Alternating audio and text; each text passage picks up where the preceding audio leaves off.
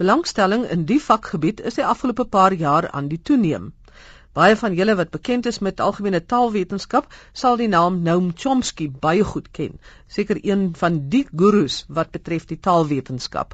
Nou ja, die jongste tyd is hy meer betrokke by die politiek en hy het ook al die afgelope paar jaar 'n paar politieke boeke geskryf. Maar wat is taalwetenskap en waar pas dit in in die studie van taal en hoe word dit gedoen?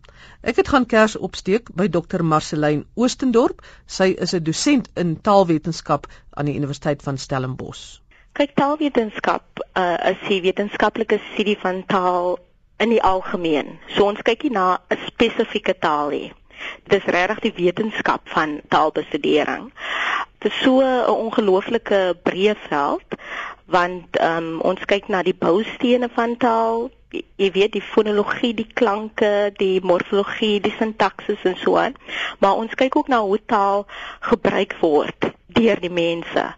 Waar taalwetenskap ook verskil van taalkunde in die taaldepartemente is dat ons 'n baie meer 'n deskriptiewe manier na, na taal kyk. So ons probeer vir mense reëls vasstel wat hulle moet gebruik nie. Ons kyk hoe mense taal gebruik. So taalreëls, woordeskat en daardie tipe dinge en waar die werkwoord in die sin kom ensovoorts, dit het nou nie met julle te doen nie. Nee, nee, nee. Ons uh, ons ons sal kyk hoe dit gebruik word.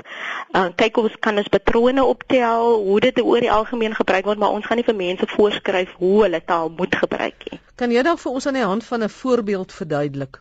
Byvoorbeeld, ehm um, verskillende dialekte. Sommige dialekte word byvoorbeeld ehm um, gesien as beter as ander, maar van 'n taalwetenskaplike oogpunt is daar niks wat een dialek beter maak as 'n ander nie. Dit is slegs die sosiale waarde wat mense daaraan heg wat dit dan nou 'n bietjie meer prestige of status gee. Van enige dialek kan dit reëls Die reëls is dalk net anders, maar dit reëls van hoe hoe taal gebruik moet word. Nou gee vir ons 'n voorbeeld van 'n sin, ehm um, sê nou maar die man stap deur die strate van Stellenbosch. Hoe sal 'n mens nou taalwetenskaplik dit ontleed? Wel, daar is so baie maniere. Jy kan byvoorbeeld net kyk na wat is die ehm um, sinskonstruksie waar is die waar word die werkwoord geplaas? Waar word die onderwerp geplaas? Uh so jy kan net op so 'n manier daarna kyk. Jy kan elke woord vat in die in die sin en jy kan 'n uh, fonologiese onleding doen. Waar word die aksent en die klem geplaas op daardie spesifieke woord byvoorbeeld? Maar dan kan jy ook in 'n meer sosiale konteks kyk. Die man stap in die straat in Stellenbosch. Wat probeer die persoon hiermee kommunikeer? Wat is die sosiale omstandighede? Want in een konteks kan iets heeltemal anders beteken as as in 'n ander konteks kom ons sê ons is in 'n vergadering en daar's 'n bietjie geraas buite en die deur staan oop en ek sê byvoorbeeld daar's nog 'n bietjie geraas hier buite. Dan is dit nie net 'n stelling wat ek maak nie dan is dit dan vra ek eintlik vir iemand sal jy die deur toe maak asseblief? So ons kan ook kyk na hoe word taal in die sosiale kontekste gebruik en dit raak toenemend belangrik dat mense besef hoe belangrik die sosiale konteks is as dit kom by taalwetenskap Nou hoe skakel julle en dan die taalkunde bymekaar aan? Baie van ons het projekte waar ons saamwerk met ehm um, taaldepartemente.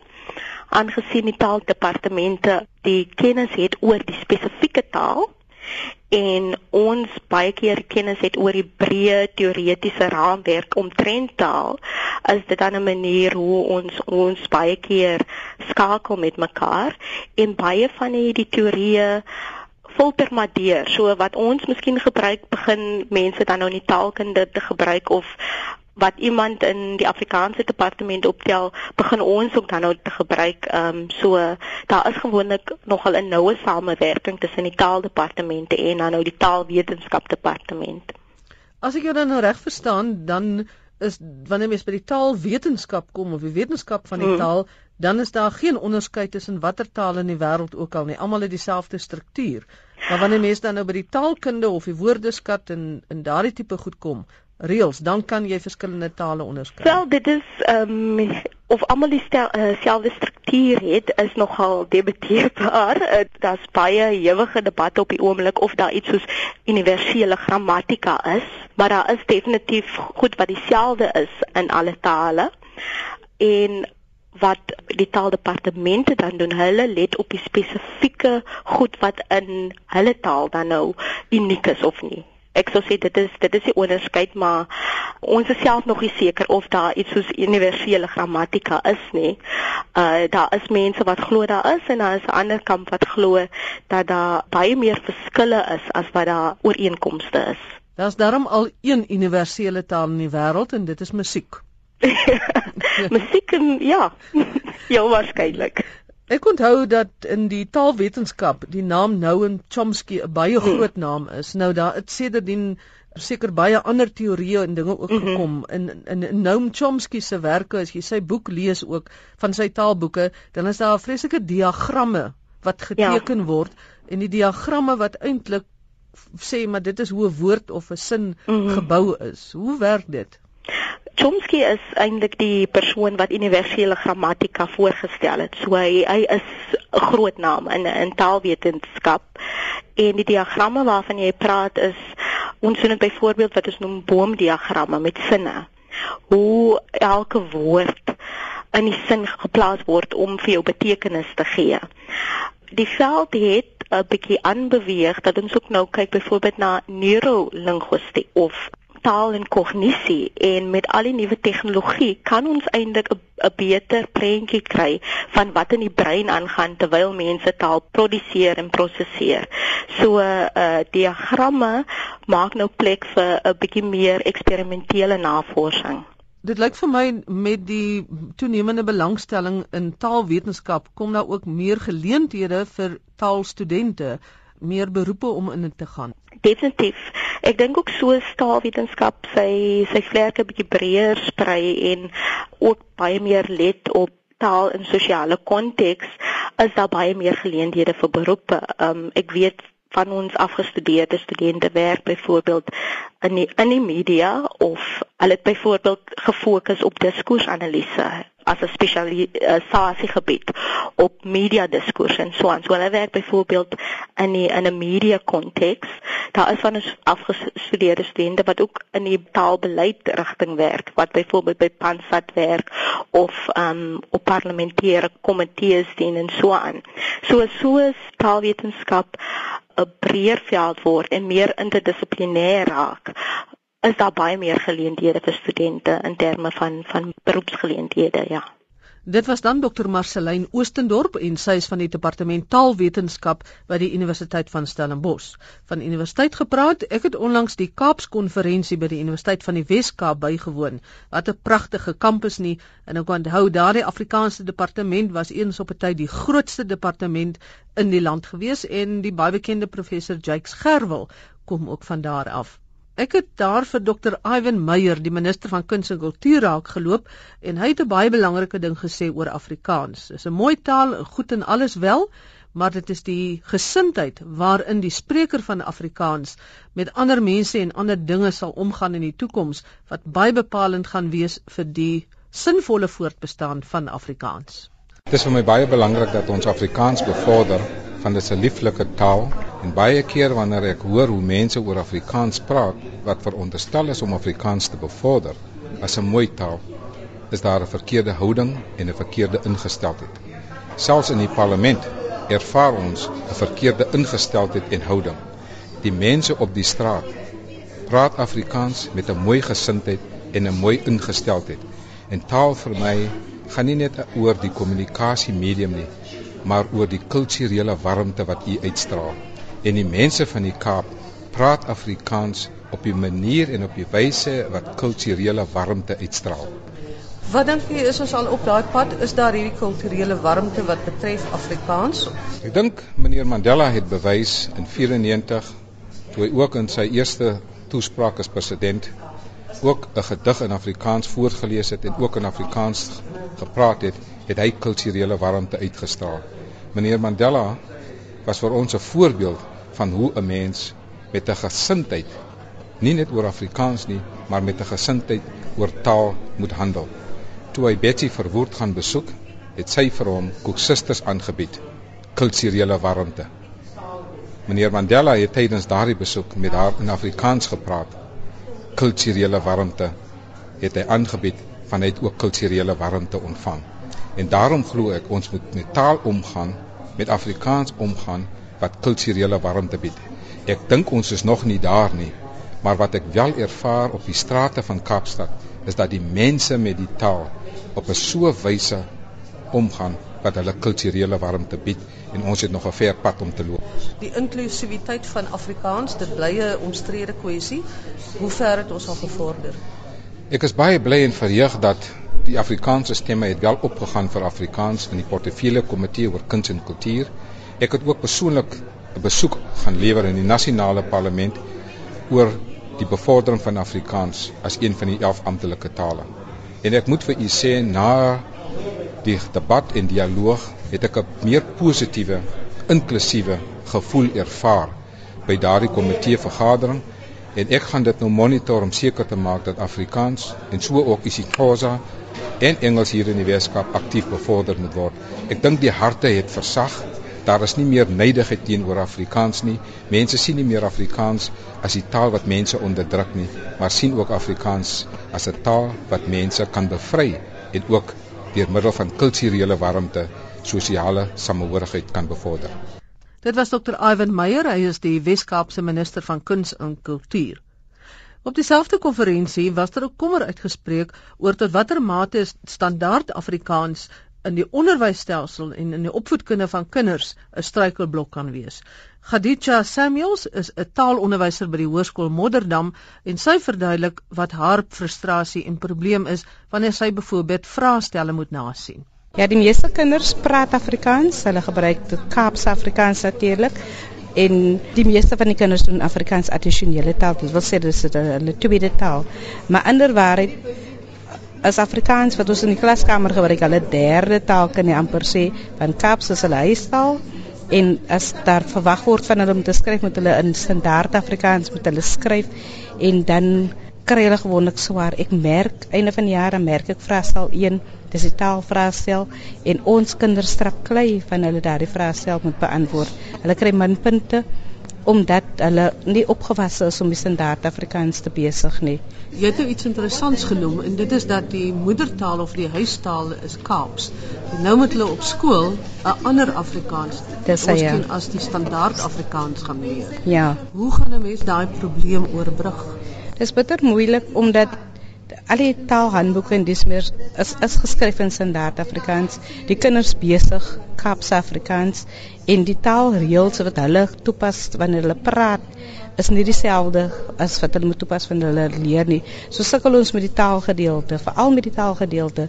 Ons leer hulle begrip soos hulle kan leesbegrippe antwoord, maar dit hang ook af van watter teks gebruik was ons sê nou dis dis 'n moeilike Afrikaanse teks dan gaan hulle dit maklik kan verstaan. Ons kry byvoorbeeld die boeke die kuier gaan 'n makliker teks wees vir ons kinders terwyl die sariese Afrikaans 'n hoë Afrikaans is vir hulle en dan gaan hulle sukkel om die teks te verstaan. So dit is maar weer daai kwessie van moedertaalonderrig. Die ja. taal wat jy die beste ken is die beste om ingeleer te word ek sou sê dit sou seker uitgangspunt wees, maar ongelukkig is dit so dat die kinders van daar word van hulle verwag om in die standaard Afrikaans eksamen te skryf en hulle word daar volgens gemeet en dis almal van hulle wat Afrikaans kan praat soos ek kom praat nie. Alhoewel ek het ook groot geword in Bonteheuwel. Ek het groot geword met Kaapse Afrikaans, maar my Afrikaans is heeltemal anders as die, as as as die kinders in die nageslag Vandag praat hulle my eie kinders praat ook Afrikaans, maar hulle is by Engels skole. Nou wat het dan gebeur? Hoe het jy dit reg gekry om aan die een kant Kaaps Afrikaans te praat, maar aan die ander kant ook 'n standaard Afrikaans en verder eintlik te studeer in standaard Afrikaans? Ja, ek ek is seker maar 'n voorliefde vir taal aangekweek. Ek weet my ma se buurmense was mense van Boerlinge van uh, Oudtshoorn. So hulle Afrikaans was 'n besonderse Afrikaans en ons het groot geword met die radio. So dis waar ek my Afrikaans en uit uit die staanspoor leer ken het. So uh, en, en daar was die televisie gewees nie so Uh so maak mense in dis meer dis dit dis dit was my basis. Is my Everett. Is my Everett ja. En al daai storieetjies en goed so ek het groot geword met met met standaard Afrikaans en met massa die bure selfs het het 'n beter Afrikaans gebesig. Jy het nou groot geword met radio en dis daar waar jy jou Afrikaans gekry het. Sou jy dink dat die Afrikaanse radio vandag meer in Kaaps moet uitsaai of moet hou by 'n sekere standaard soos wat jy nou geleer het destyds? Ja, vir my was dit maklik om by die standaard te hou want dit was van ons verwag dat ons op 'n sekere uh, manier moes praat en op 'n sekere manier moes uh, skryf. En en en ek sou sê sekere onderwysers van destyds ook het ons op 'n bepaalde manier onderrig. So dit was vir ons ja en amen maar omdat dit 'n ander politieke bestel was so 'n Kaaps Afrikaans was nie 'n erkende taal nie. En ek dink die beweging vandag hier is dat juis dat Kaaps Afrikaans juis 'n erkende taal begin word. Want dit word ge, gepraat deur die groot sprekers meeste sprekers wat wat in wat in die Kaap bly nie noodwendig net en dis nie net die kleerlinge wat dit praat nie. Ek het hier gehoor ons is is is is, is die moslimse taal al die kinders in die klas, ons het ons het uh uh verskeie kinders in die, in in die klas van verskillende gelowe en verskillende kulture en hulle kan Afrikaans besig en ek ken mense uit die Kosse kultuur wat suiwer Afrikaans kan besig. Gee gou my voorbeeld van wat jy sou sien is standaard Afrikaans en wat is Kaaps Afrikaans. Ek weet nie is meestal assimilasie sou ek sê in plaas van sê ek stap in die reën sal die sê kind die leerder sê ek stap in die reën nê nee? En dan gebruik ons kinders soos minute vir jou, né? Nee, as hulle vir jou wil sê nee, wag, stop, is dis nog genoeg of so. So dis die tipe taal wat hulle wat hulle besig vandag. En stiek uit tot ek is stiek uit ja, stiek uit. Dis so jy moet jy moet na vergadering toe kom, maar moet jy uitsteek. Jy moet opdaag. Jy moet opdaag, ja. Khadija Samuels, 'n taalonderwyser aan die Hoërskool Modderdam in Kaapstad. En ons sluit af met ons taalspeletjie. Hier is Gerard van Huisteen. 'n aantal weke gelede het ek met professor Narina Bosman van Tikkies gepraat oor meervoude in Afrikaans. Vandag kyk ons 'n bietjie na meervoude van eie name. So ek lees 'n naam en jy sê die meervoud.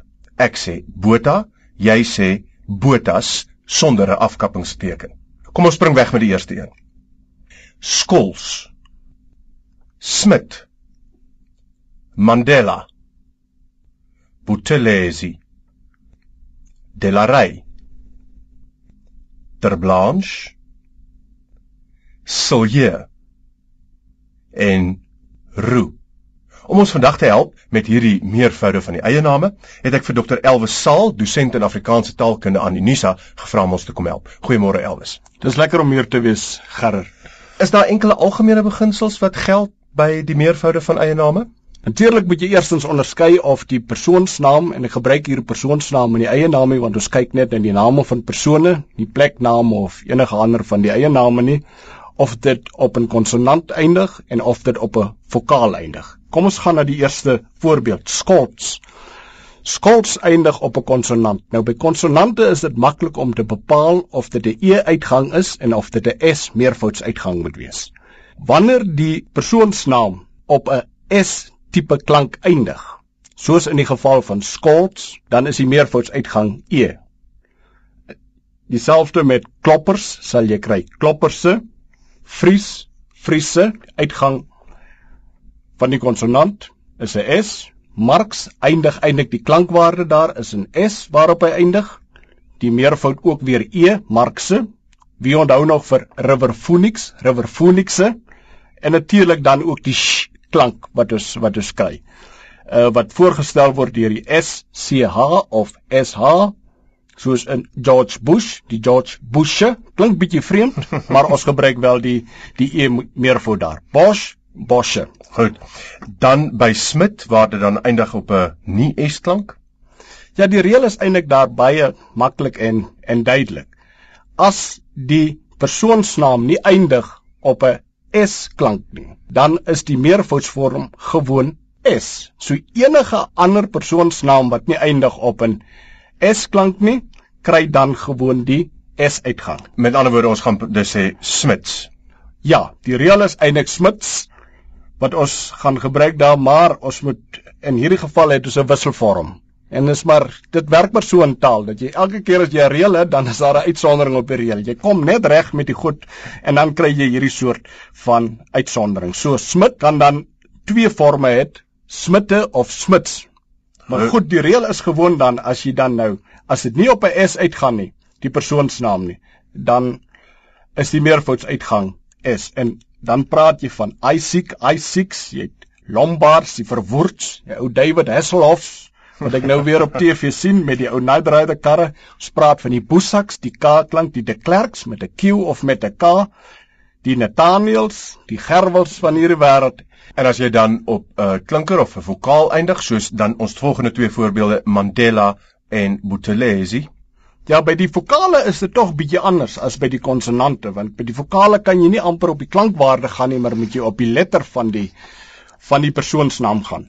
In die geval van Mandela, kyk jy na of dit 'n beklemtoonde A of onbeklemtoonde A is.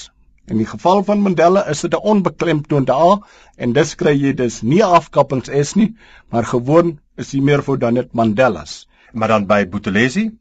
Buthelezi werk dit nou weer bietjie anders en daar moet ons weer kyk na die betrokke vokaal letter. As dit daar eindig op, omdat dit eindig op die letter U, kry jy kry die persoonsnaam daar in afkappings is. Buthelezis, die Gandhis van hierdie wêreld, die Pavarottis. Jammer, ek kan nou nie vandag sing my naam is Elvis maar ek sal dit nou nie waag nie, die Mbekkies van hierdie wêreld. Ook as die persoonsnaam natuurlik uitgaan op 'n O, die letter O, dan uh, kry dit afkappings soos die Danny DeVito's, die Placido Domingos. As 'n persoonsnaam dan op die letter U eindig, dan kry dit ook 'n afkappingstekens. Soos die Mshlangos, die kanunus en die gewilde tutus. en dis nie die rokkies waarvan jy praat nee, nie. Nee, nee, nee. Dan kom ons by uh die Delareis. Ja, Delarey, Delarey, né? Nou, nou raak die dinge warm hier. Nee, Delarey, die reël is heel maklik en eenvoudig daar. Enige persoonsnaam wat op 'n y eindig, kry gewoon net die s sonder die afkappings en jy sal dus hê die Delareys wat van die Mariah Careys en natuurlik die Hemingways, die Macaulays, O ja, en dan die ex-Franse uh, president Sarkozy se almal van hulle sonder die afkappings is. En dan Terblanche?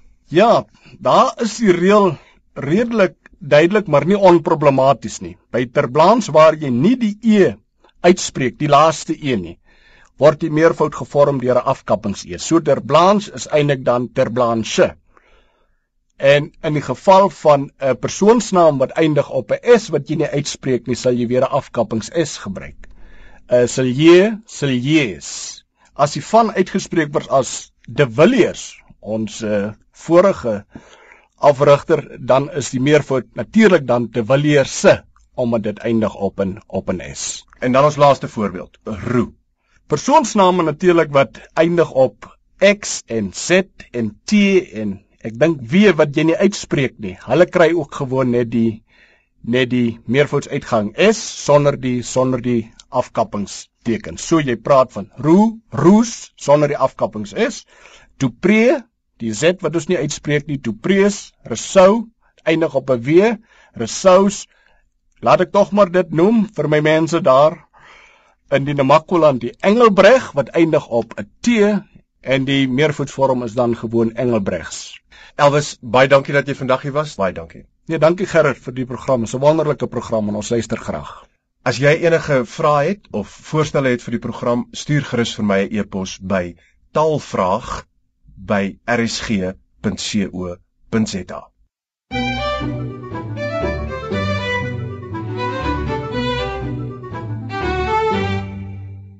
Ja, daar het ons nou groete aan die koeriers waar hulle ook al mag wees en hierdie koeriers het nie afkappings S nie. Die einde van ons tale program vandag groete tot 'n volgende keer.